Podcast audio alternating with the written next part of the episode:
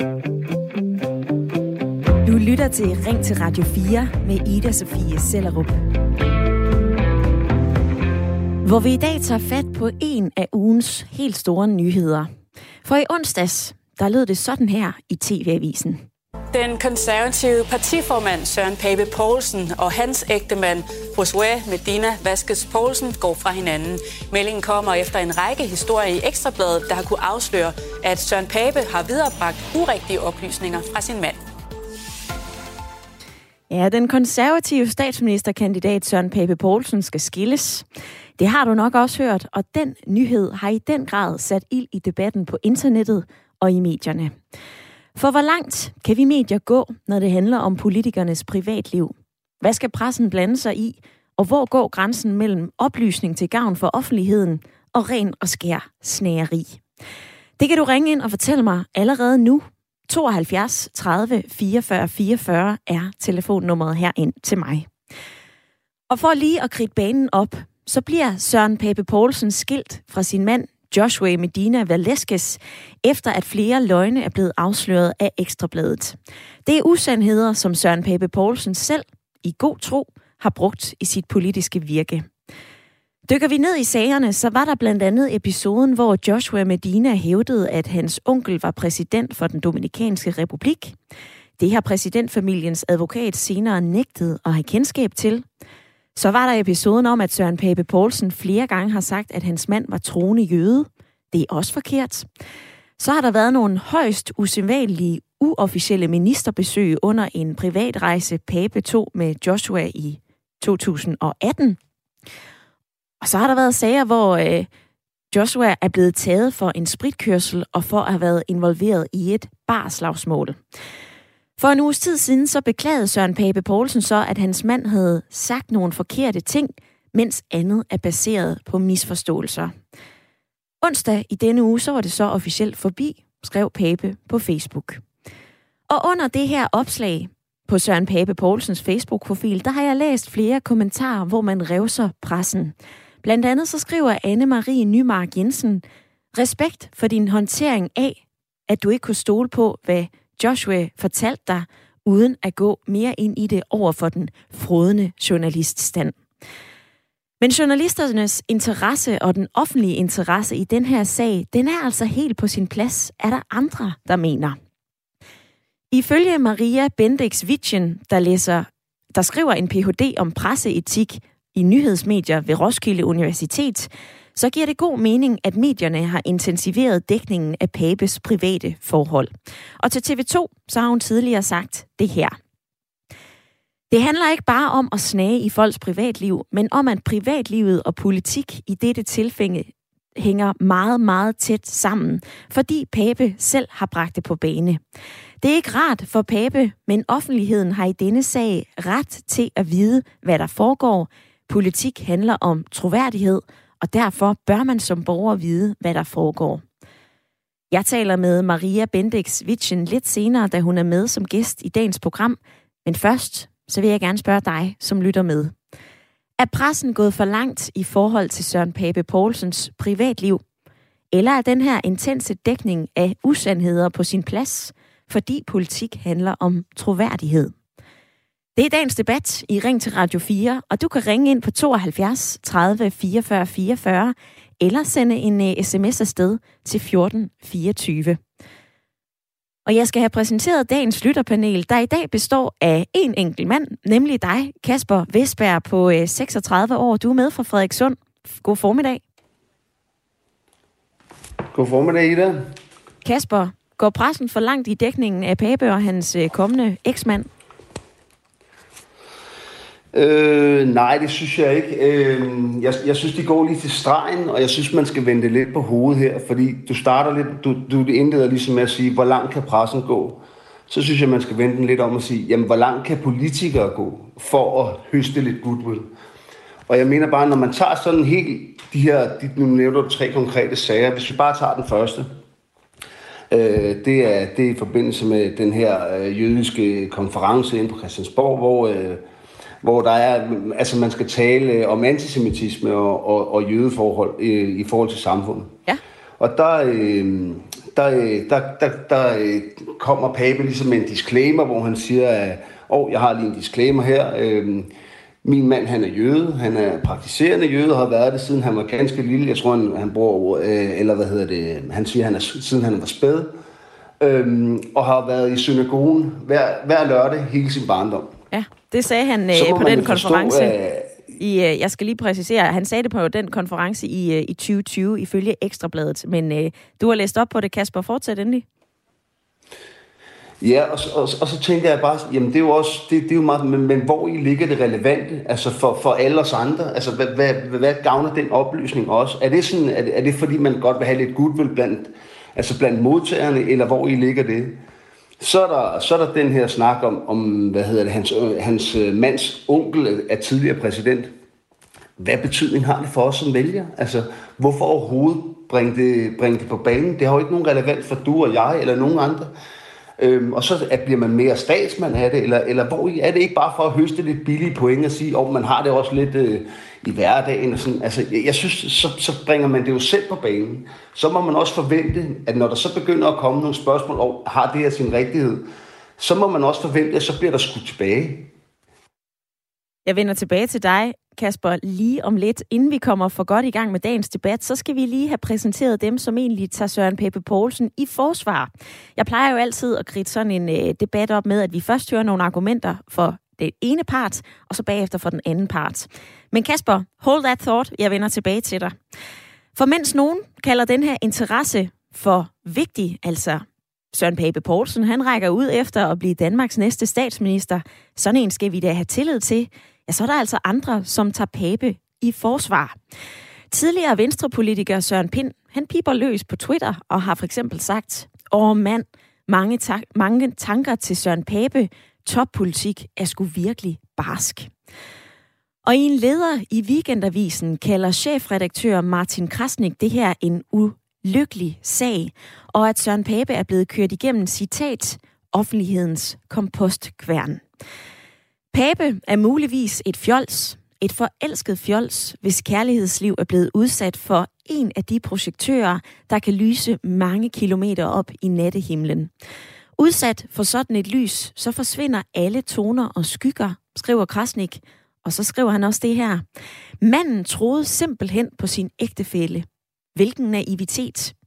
Jamen, har han ikke brugt disse historier aktivt, som det lyder? Nej, han har fortalt en historie om sin mand, som han troede var sand. Martin Krasnik er også gæst i programmet lidt senere, men først, så vil jeg altså gerne prikke til dig. Grib din telefon og forhold dig til det, vi taler om i dag. 72 30 44 44 eller en sms til 1424. Spørgsmålet, er pressen gået for langt i forhold til Papes privatliv? Eller er den her intense dækning af usandheder på sin plads, fordi politik immer væk handler om troværdighed. Ring eller send en sms.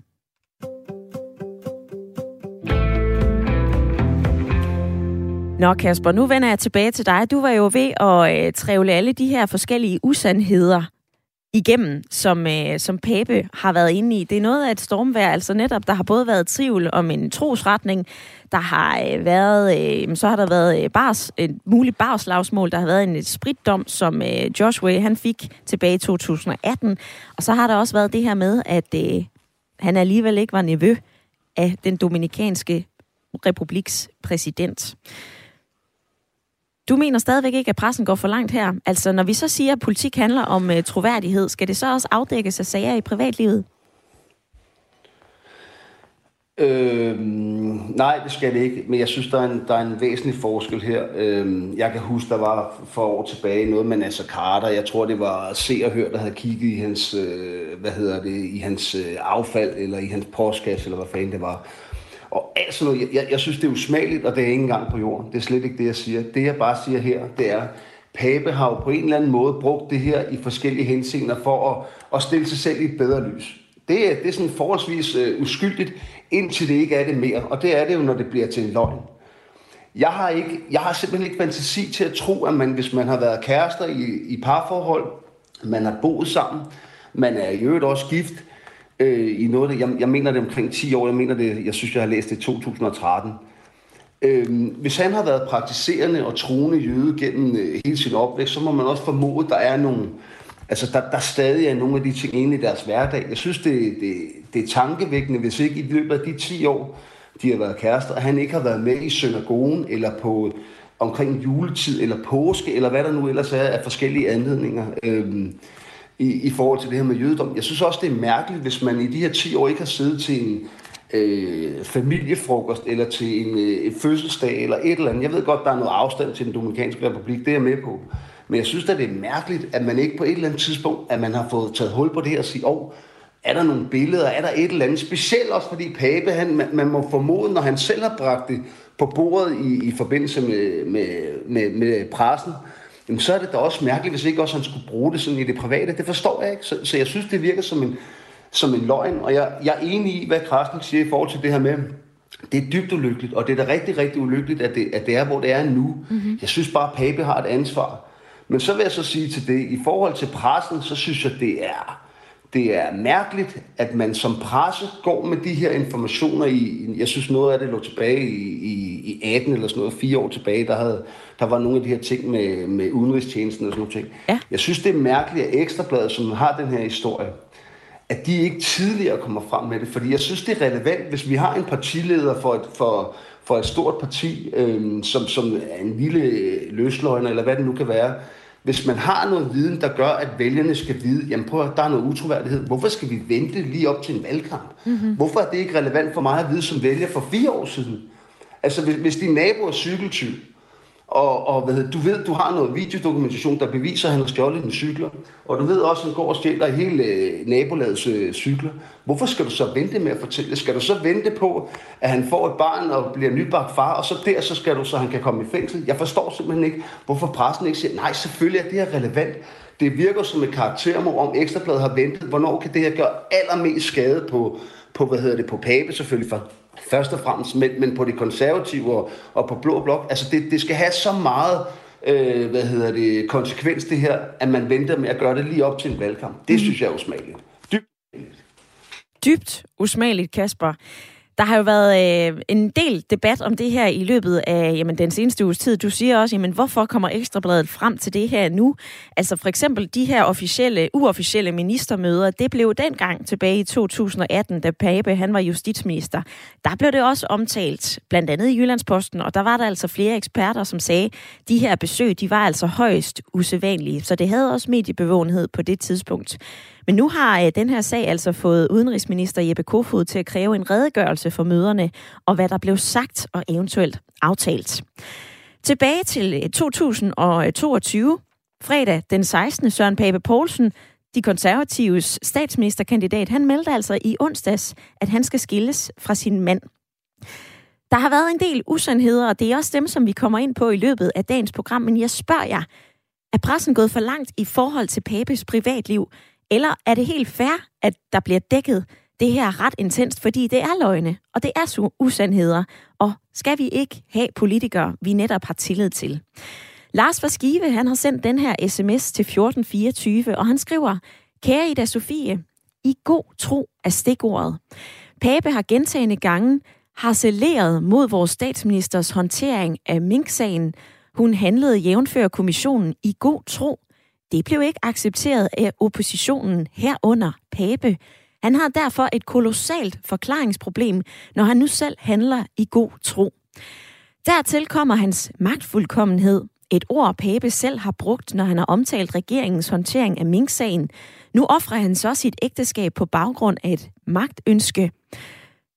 Kærligheden burde stå foran magtønsker. Pressen har ikke gjort noget forkert. Tværtimod med ønsket om en god dag. Bland dig i det, vi taler om i dag. Du kan ringe ind på 72 30 44 44, eller du kan sende mig en sms. Skriv ind til 14 24.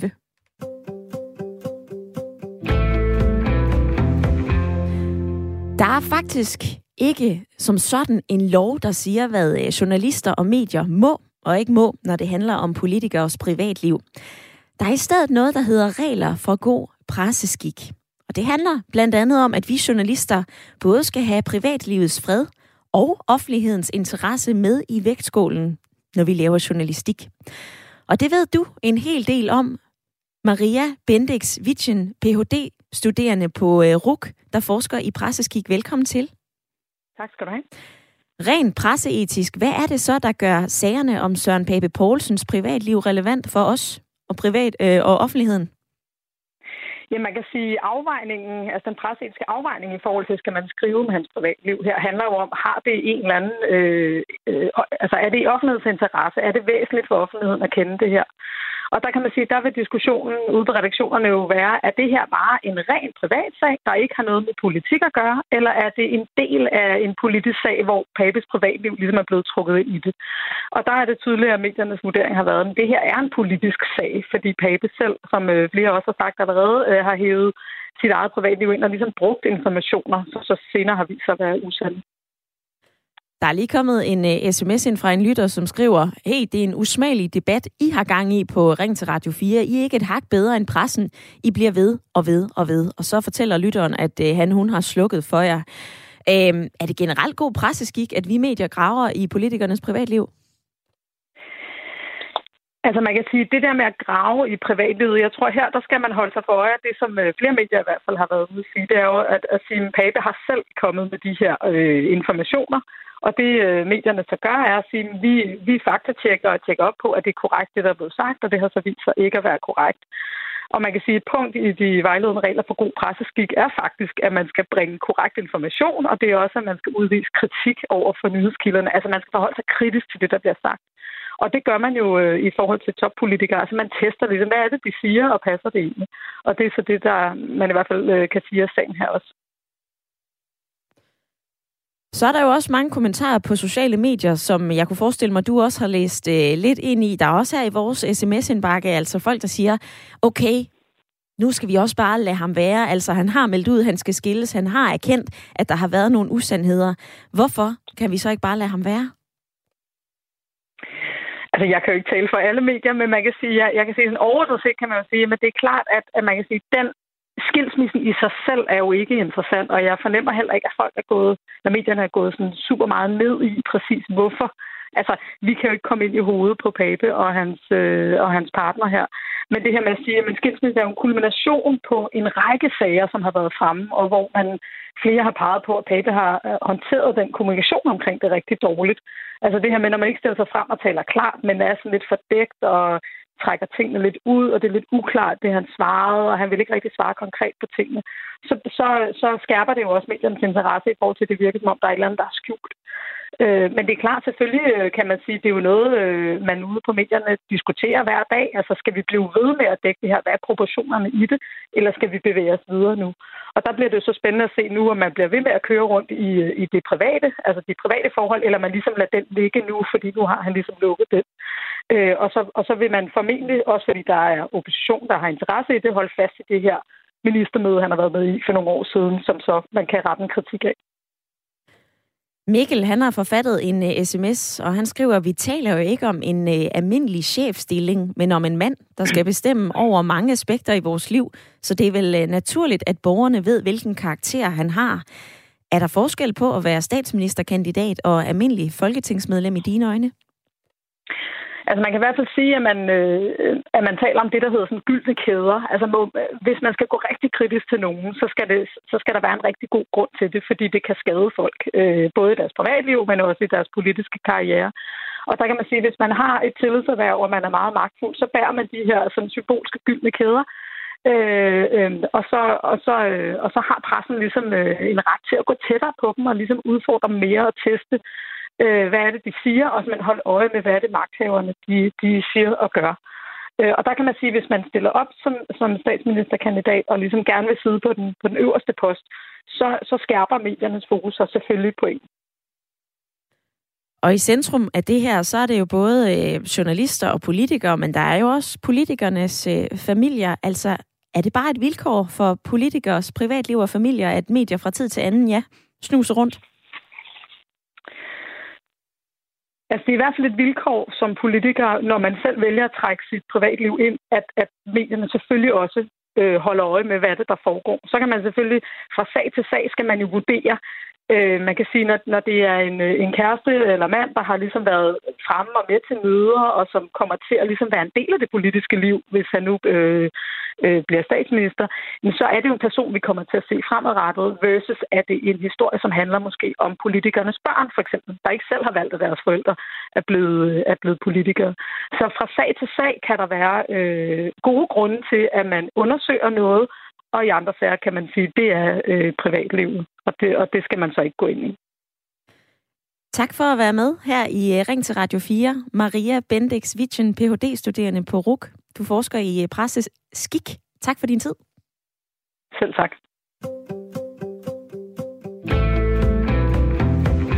Her fik du lidt forskellige argumenter, og jeg kunne godt tænke mig at høre, hvilke tanker det sætter gang i hos dig. Er du enig i det, du lige har hørt? Eller sidder du og tænker, ah, det her, det er sgu en smule provokerende. Jeg er uenig. Hvis du er uenig, eller hvis du er enig, så grib lige telefonen og tag 72 30 44 44, eller fyr en øh, uh, sms afsted til 14 24. René, han skriver, jeg synes, det er rigtig fint, at politikerne også er rigtige mennesker med lidt rod i parforhold og kant. Jeg synes, de ting, Pape står i, er tilgiveligt. Jeg stemmer ikke konservativt, men jeg synes, at han er en fin fyr både før og efter det her råd. Og så er der også en øh, uh, sms fra en lytter, der siger, at pressen skal vel afdække, om Pape løg, eller om han modsat troede, han talte sandt. Der er vel en stramning at sige, at han har talt usandt, hvis han troede, det var sandt. Og nej, det er ikke det samme som da Mette Frederiksen ikke fik læst dokumenterne forud for beslutningen om afvikling af minkerhvervet. Når der træffes store beslutninger, så skal man altså være grundig. Med på en telefon fra Skive kan jeg nu sige velkommen til dig, Lars.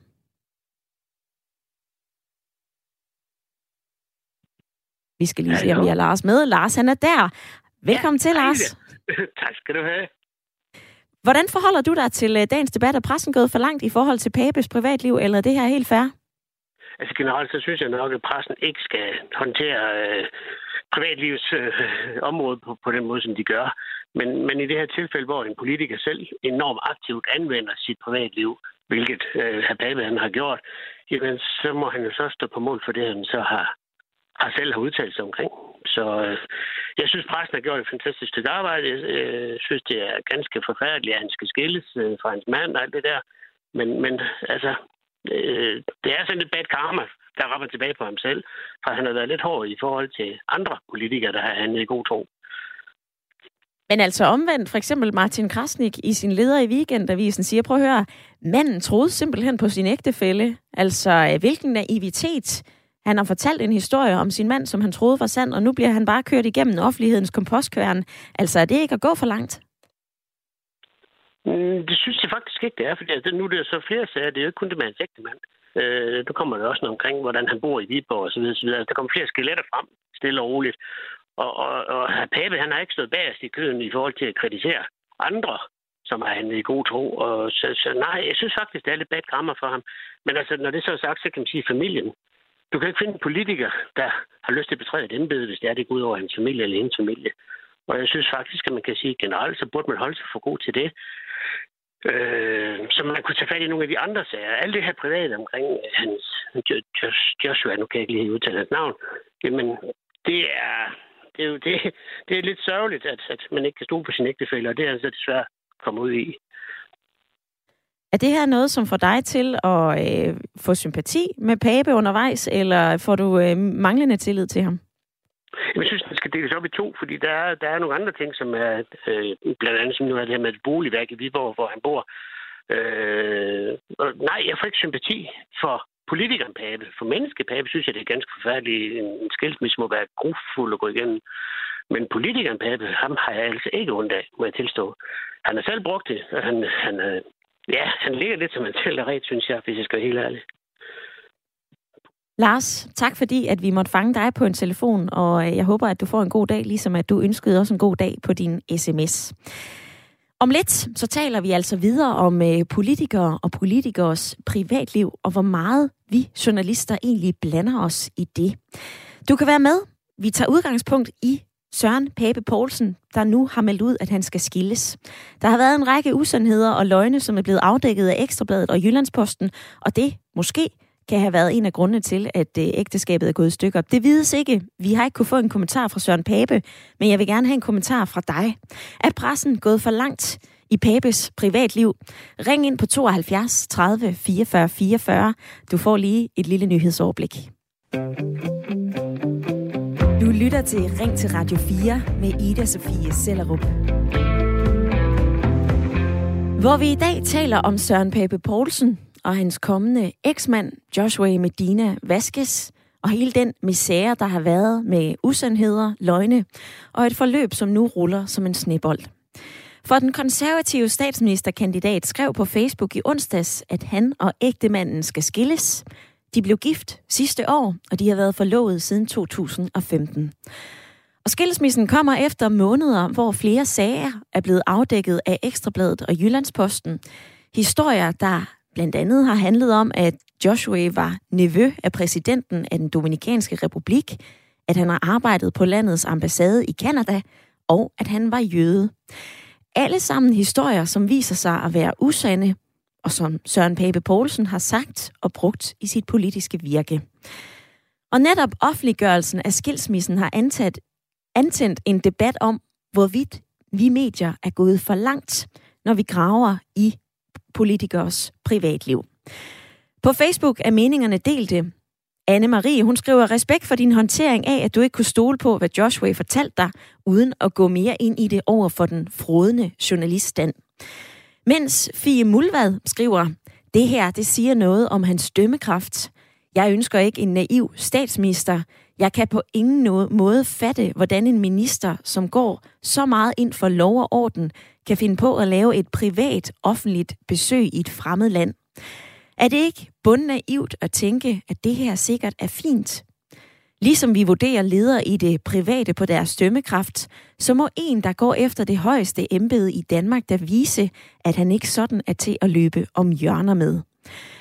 Du kan stadigvæk være med i dagens debat, hvor vi diskuterer både den pågældende papesag, men altså også tager helikopterblikket, ser på den her debat og diskuterer, hvor langt inde i politikers privatliv vi egentlig kan tillade os at være. Kom med. Ring ind på 72 30 44 44 eller send en sms til 14 24. Tjener det et formål, at vi diskuterer politikers troværdighed ud fra deres privatliv? Og er det her anderledes, fordi de her usandheder, som er kommet frem, netop har en relevans, fordi Pape har brugt det i sit politiske virke? Du kan som sagt ringe ind 72 30 44 44, eller du kan sende en øh, sms afsted til 14 24. Og jeg vender lige tilbage til øh, Kasper i lytterpanelet. Kasper, mener du, at Søren Pape har været udsat for klapjagt? Øhm, nej, det, det mener jeg ikke. Jeg, jeg mener helt sikkert, at timingen omkring det her, den, den synes jeg er helt skæv. Jeg, jeg synes, det er mærkeligt, hvis det, hvis det var en, en, en så fundamental ting omkring hans troværdighed som partileder og politiker, og i øvrigt også øh, statsministerkandidat, så synes jeg ikke, at man skal gå og vente med det. Jeg synes, man skal lægge det frem, når man sidder med de her oplysninger, så vi kan håndtere det øh, på det rigtige tidspunkt. Så jeg synes, timing er helt forkert. Jeg synes bare stadigvæk, når jeg hører det, altså nu, nu, nu jeg, jeg beder lidt mærke det her med, at man siger, hans mand har fortalt om sådan og sådan. Jamen det er da rigtigt, men det er da ikke hans mand, der er gået frem og sagt, jamen jeg er tidligere. Det er Pape. Altså, der, der er jo ikke nogen andre end Pape. Der er jo ikke, hans mand har jo ikke sagt, vil du ikke være sød? Det, det formoder jeg i hvert fald ikke. Vil du ikke være sød og sige sådan og sådan og sådan? Pape har selv aktivt sagt, jamen prøv at høre her, der er den og den historie omkring min mand, sådan og sådan og sådan. Altså, så han har aktivt valgt at bruge det som, som et redskab i forskellige øh, forum. Øhm, så derfor synes jeg, at han selv må tage en del ansvar. Så synes jeg, der er et i forhold til det private. Jeg synes, det her med det her møde med andre politikere, det, det er et andet spor. Men, men, men det begynder at tegne sig et billede af, øh, jeg, jeg, jeg tror ikke på, jeg har ikke fantasi til at forestille mig, Pape han bare er naiv. Jeg, jeg kan, hvis, jeg, altså, hvis man har været sammen med nogen i 10 år, øhm, og boet sammen, og man er ægtefælder, så, så er der et eller andet kendskab, der gør, det kan jeg simpelthen ikke forestille mig, han ikke har vidst, at han ikke var praktiserende jøde, eller han ikke... Og så når han så alligevel vælger at bruge det, øh, så, så må man også stå på mål for det. det. Det er man jo nødt til. Så jeg synes, pressens timing, den er helt elendig. Jeg synes ikke, det er særlig øh, hvad hedder det, øh, konstruktivt, at, at man bruger det op til en valgkamp, fordi så synes jeg, det, det, det bærer tydeligt præg af, at man ønsker at lave det her karaktermord på Pape lige op til en, til en valgkamp med yderste konsekvens. Men jeg synes, at havde det været på, det, på et andet tidspunkt, så synes jeg, det er relevant, fordi Pape han selv har brugt det aktivt. Og jeg synes, hvis man sammenligner lidt i forhold til Finsen-sagen, hvor alt det her med SM og sådan der synes jeg, det er fuldstændig uklædeligt. Det rager hverken, det rager ingen, øh, heller ikke de politikere, som er blevet underrettet omkring hans seksuelle præferencer. Sådan noget. Det er et helt andet spor. Der synes jeg, det, det, det, det har ingen hold i virkeligheden. Men det her, det, det, det er bare, han, han har jo brugt det i de former, hvor det har kunne gavne hans, hans øjeblikkelige position. Der synes jeg, det er det, der er hele forskellen. Ordene fra den ene mand i dagens lytterpanel, Kasper, der er en, der giver dig ret, og det er Michael, som har skrevet en øh, uh, sms. Jeg giver Kasper i jeres panel ret. Der er noget i den her timing fra Ekstrabladet, der virker meget belejlig. Om det er en uh, personlig hets mod Pape, eller blot en større nyhedsværdi i timingen op til et kommende valg, det skal jeg ikke kunne sige. Pape har levet højt på sin troværdighed, og det virker som om, at det har været med til at dyrke det, for så at hive tæppe, tæppet væk fuldstændig under ham. Lidt tidligere i programmet, der hørte vi fra Ph.D.-studerende i presseskik Maria Bendix Vitchen. Hun sagde, at mediernes dækning af papesagen, den var inden for skiven, og der er altså også flere journalister, der i den seneste tid har forsvaret pressens ret til at grave i Søren Papes privatliv, og nu hans kommende eksmand. Det har øh, chefredaktøren på Politiken, Christian Jensen, blandt andet gjort. Han argumenterer i en leder for, at løgnene mod Papes mand er et politisk problem, fordi Pape selv har brugt dem aktivt i en politisk kontekst. kontekst. Men det her, det har provokeret en anden chefredaktør til at træde ind i den her debat, nemlig dig, Martin Krasnik, chefredaktør på Weekendavisen. Velkommen til. Ja, tak. Du kalder den her tone i øh, politikens leder for ubundhørlig og barnligt mobbende. Hvorfor det? Øh, det, det kalder jeg den, fordi den er ubundhørlig og barnligt mobbende. Det er nærmest infantil. Øh, lad mig bare tage et andet citat, øh, der lød sådan her. Au, au, au. Pape trækker et stadig længere spor af løgne, fortielser og ubesvarede spørgsmål efter sig. Det lyder som sådan et chatforum for teenager, hvor man mobber en eller anden, der ikke er til stede. Og, men når det er sagt, så, så, så, øh, så, så handler det jo om, at jeg, øh, i, min, min indsigelse handler jo slet ikke om, hvorvidt pressen har ret eller bør dække ting, der har at gøre med politikere. Det handler om, øh, om, om den ekstreme, voldsomme opmærksomhed, de her sager har fået.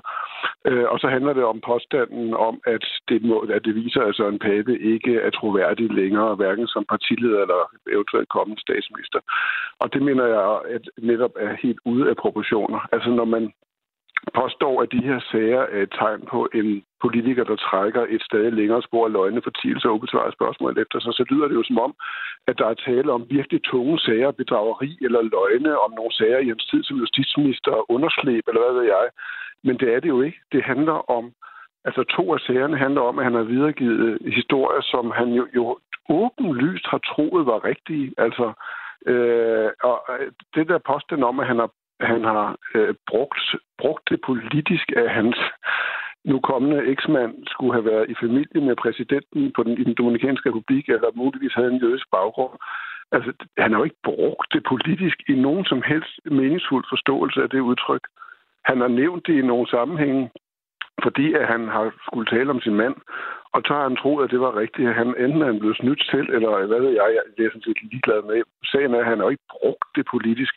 Han har nævnt det, og så må pressen selvfølgelig øh, undersøge det. Det kan man jo sagtens, og det gør Ekstrabladet jo.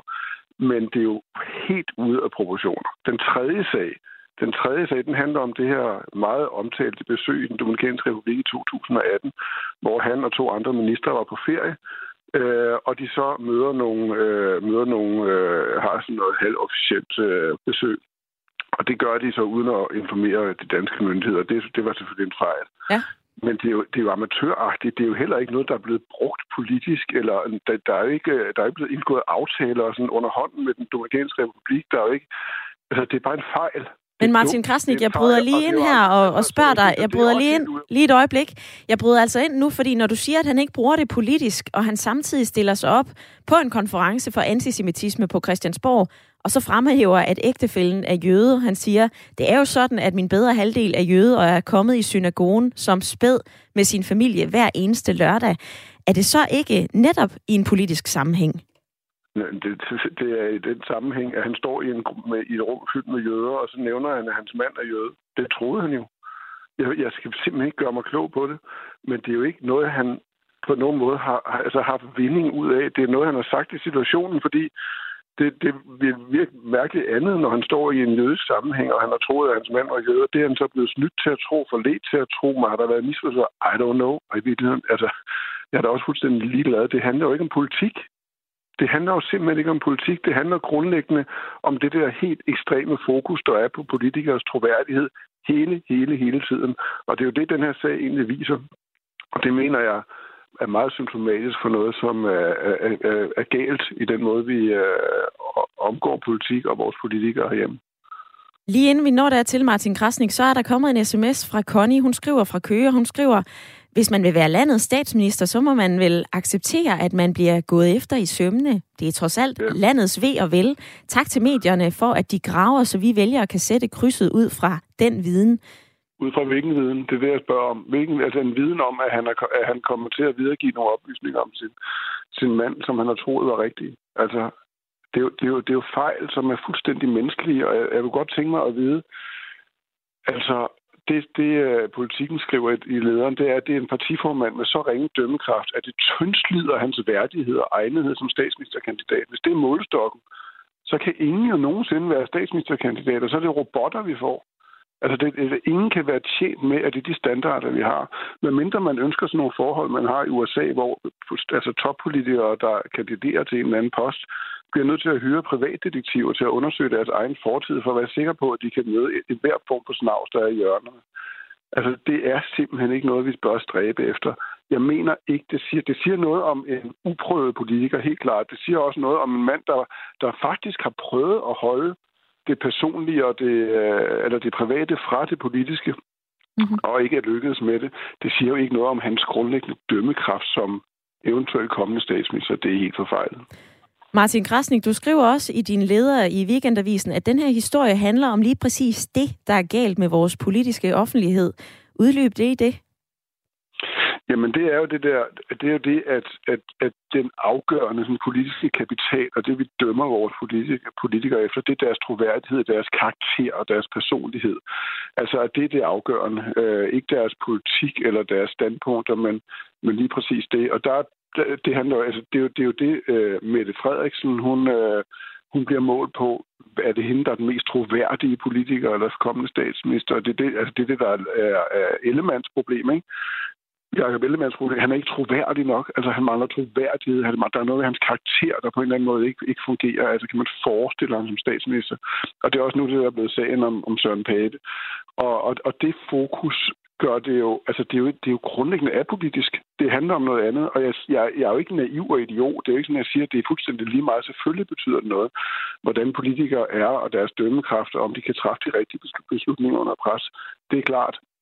Men det, det er som om, at det er det eneste, der faktisk betyder noget for tiden. Og, og, jeg, og jeg siger heller ikke, at medierne er alene om at, at have bidraget til det problem. Politikerne gør det også selv. Altså, Pape har selv konstant, som der var en, en lytter, der skrev ind til jer, øh, ligesom ført sig frem på, på sin personlighed og troværdighed, og mindre på den, den politiske dagsorden. Det har jeg også kritiseret ham for. Ja. Men det gør, bare ikke, det gør det bare ikke til, det gør det jo ikke bedre, at politikerne også selv bidrager til festen. Altså, vi har alle sammen et ansvar for at træde skridt tilbage og spørge os selv, altså, er det virkelig den politiske kultur, vi vil have? Altså, hvor det bare kun handler om en, altså en, sådan en dømmekraft og efter nogle standarder, som ingen normale mennesker vil kunne leve op til. Mm-hmm. Så her til slut, du er grundlæggende ikke enig i, at politik også handler om troværdighed, specielt når der er tale om en potentiel kommende statsminister? Jo, det jeg sagde lige det modsatte. Altså politik handler selvfølgelig om troværdighed, men spørgsmålet er, hvilken troværdighed, på hvilken baggrund? Altså, selvfølgelig handler politik om troværdighed. Det er ikke politikere, der, der lyver.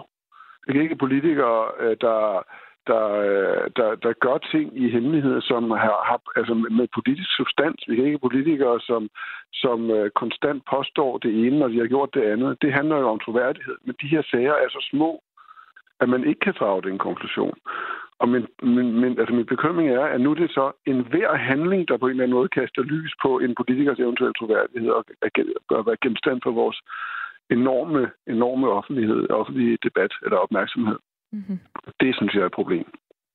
Martin Krasnik, chefredaktør på Weekendavisen. Tak for din tid og argumenter i dag. Det var så lidt. God dag til jer. I lige måde.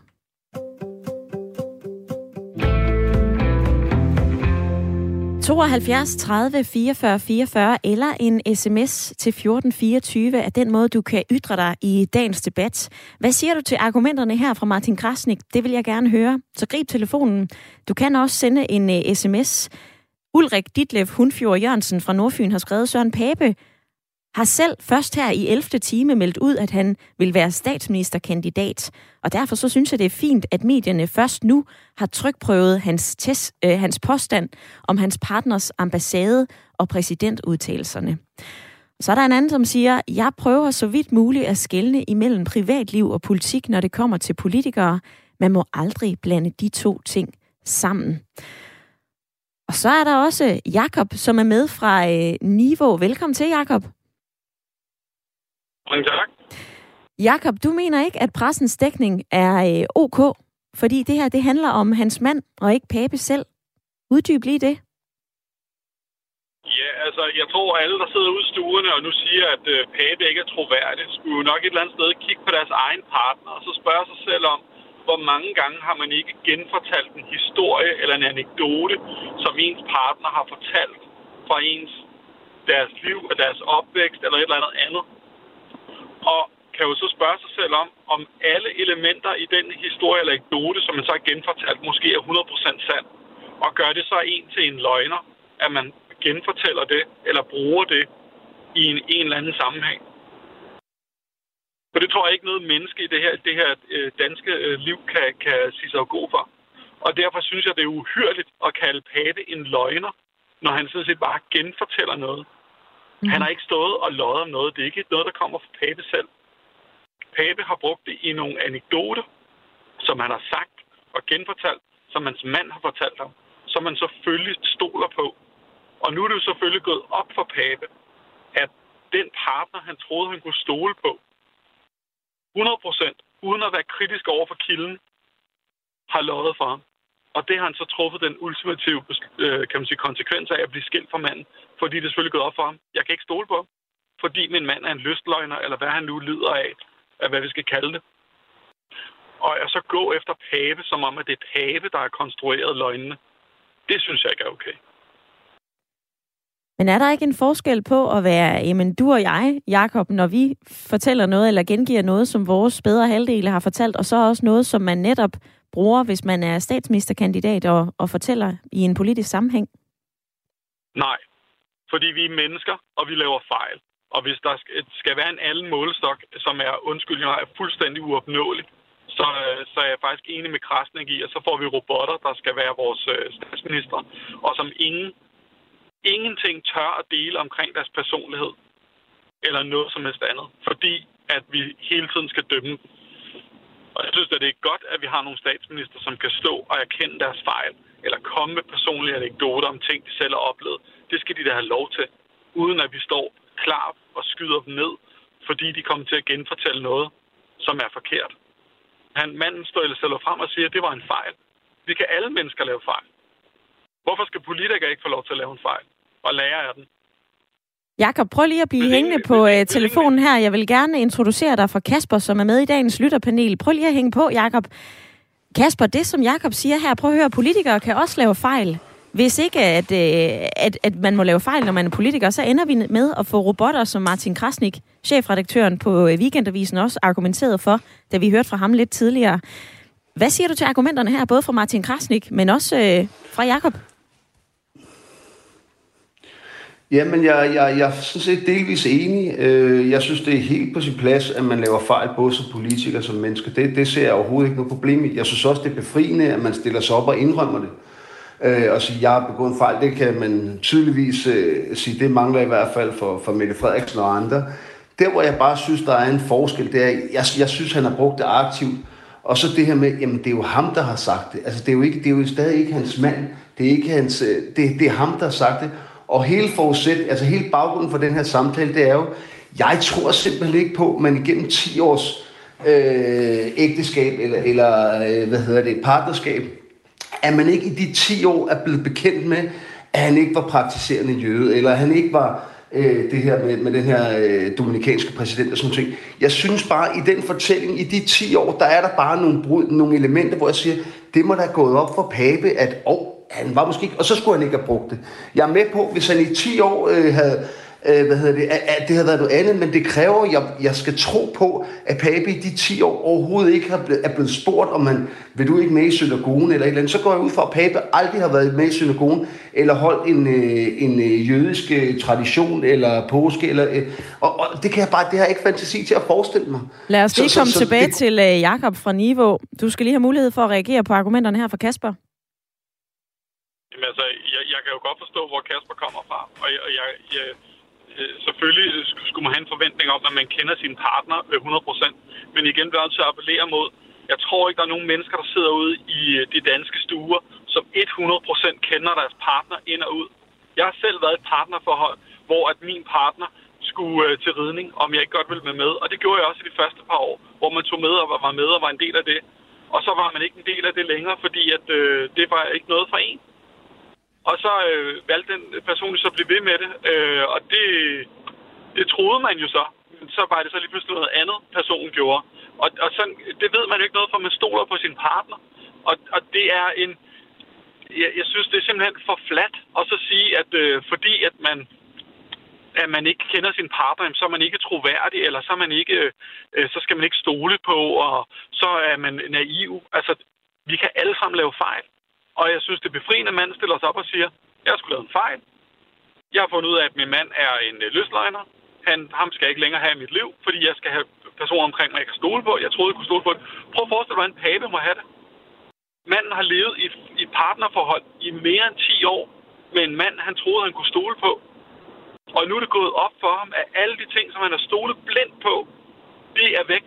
Og nu bruger vi tid på at trække ham gennem sølet på noget, som må gøre på så ondt på ham.